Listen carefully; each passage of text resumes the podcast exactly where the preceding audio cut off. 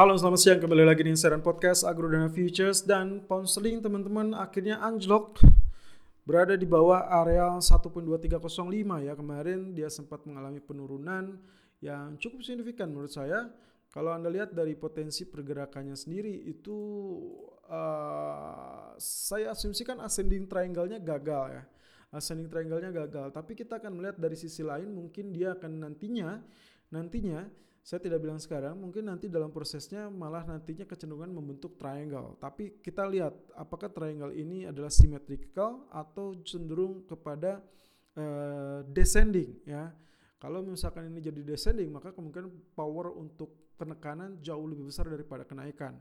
Nah, kita lihat di sini Uh, kemarin saya sempat menyebutkan areal-areal uh, support yang relatif kuat ada di 50% area 1.2305 meskipun kalau Anda lihat juga kemarin sempat turun sampai 1.2285 flashback dengan pekan yang lalu di 7 Mei ya dia sempat mengalami penurunan sampai 1.2264 jadi kita memiliki area support kuat sebetulnya di 1.2264 ataupun 1.2285 yang mana sampai pagi ini kurang lebih dia tertahan area penurunannya di 1.2285 lalu dia rebound dengan area tertinggi 1.2336 dan area uh, running price kini di 1.2319. Anyway, area pembukanya 1.2334 teman-teman. Jadi kemungkinan dia tergelincirnya tadi pagi karena memang open bisa diasumsikan relatif dekat dengan area high.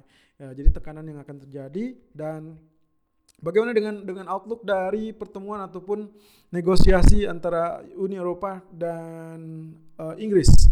Sayangnya saya masih belum mendapatkan informasi tambahan. Kemungkinan kemarin tidak ada gembar-gembor yang terlampau tragis karena memang kondisinya adalah baru pembukaan ya dan agenda hari inilah yang paling penting dari sekian banyak agenda. Jadi banyak sekali agendanya seperti yang sempat saya share kemarin dalam channel YouTube kami Agrona Futures Official dan uh, rumornya ini lebih kepada sudut pandang dari ekonom uh, dari Bank of England ya dia mengatakan bahwa sangat tragis bahwa si uh, pound sterling ini akan relatif terkena dampak yang cukup signifikan termasuk tekanan dari wabah virus corona dan dikhawatirkan berdampak e, ke ekonominya terlampau panjang teman-teman.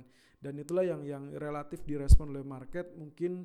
Dan juga salah satunya adalah dengan uh, saya lebih lebih merasa ini adalah uh, uh, profit taking ya. Profit taking menjelang uh, apa yang akan disampaikan oleh Fed dan juga beberapa data ekonomi lain. Tapi untuk hari ini, data ekonomi untuk zona Inggris sendiri tidak ada. Jadi saya rasa sudut pandangnya adalah lebih kepada mereka mengkhawatirkan kondisi dari kesepakatan atau negosiasi antara Uni Eropa ataupun Inggris ini akan berjalan di tempat ya. Kembali tidak menemukan hasil kembali menjadi perbatan dan akhirnya menjadi konflik. Dan itu yang yang dikhawatirkan sehingga tergelincir. Kalau dari kondisi technical sendiri dari chartnya uh, let's see uh, di candlestick dua dua candle terakhir ya 8 Mei dan juga 9 atau 11 Mei. 8 Mei bullish lalu 11 Mei dia bearish jadi Morningstar-nya gagal teman-teman. Dan ini seharusnya dia akan mengalami turunan atau tekanan lebih lanjut. Tapi lagi-lagi area support di 1.2305 itu akan akan mengganjal termasuk juga area 1.2265 ataupun 1.2285. So strategi untuk hari ini kalau kita akurkan dengan grafik H4 juga ternyata penurunan karena kemarin sudah terlampau tergelincir ya kurang lebih 120 poin uh, saya tarik Fibonacci atau historical price lebih tepatnya di situ saya mendapatkan area 1.2285 ataupun 1.2275 itu menjadi area support kita dan kecenderungannya di dua wave terakhir ini menjadi area double bottom. Jadi sebelum dia melanjutkan penurunan berikutnya, maka dia ada kemungkinan pullback terlebih dahulu dan double bottomnya ini dianggap sebagai pullback ujian untuk area uh, tekanan. Tapi kurang lebih area pullbacknya maksimum kemungkinan diperkirakan hanya mencapai 1.2429 Ya, itu adalah neckline-nya. Neckline dari double bottom kalau memang ini diasumsikan sebagai areal double bottom. Lalu kemudian areal tengahnya sebetulnya ada di 1.23 at least 60 ya. Jadi resistance 1 1.2360, resistance kedua adalah neckline-nya di 1.2426. So, untuk strategi kali ini saya cenderung ngambil areal yang cukup tipis saja Area buy on dip-nya di 1.2295 ataupun 1.2305, targetnya 1.2355 dan target kedua 1.2400 dengan asumsi bahwa maksimum kemungkinan dia akan terhenti di kisaran 1.2360 ya.